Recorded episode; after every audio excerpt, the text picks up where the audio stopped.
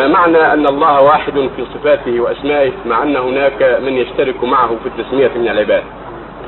معنى ذلك أنه واحد في معنى الصفات.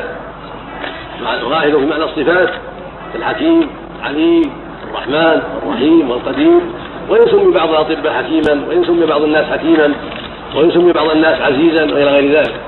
لكن العزة المطلقة لله وحده والحكمة المطلقة لله وحده والقدرة المطلقة لله وحده.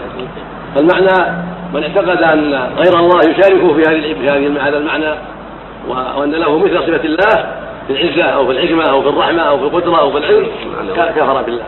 أما كونه يشارك في بعض الشيء له قدرة تليق بالمخلوق هذا لا لا لا, لا يقع فيه الشرك. الله سمى نفسه سميعا بصيرا وسمى عبده سميعا بصيرا. المقصود أن جنس المشاركة في جنس القدرة جنس العلم جنس السمع جنس البصر لكن قدرة محدودة وعلم محدود وبصر محدود. والإنسان له بصر محدود وسمع محدود وعلم محدود وقدره محدودة. هذه لا هذه ليس ليس فيها شريك لله عز وجل. هذا الله الذي أعطاه إياها والنبي عليه سبحانه وتعالى.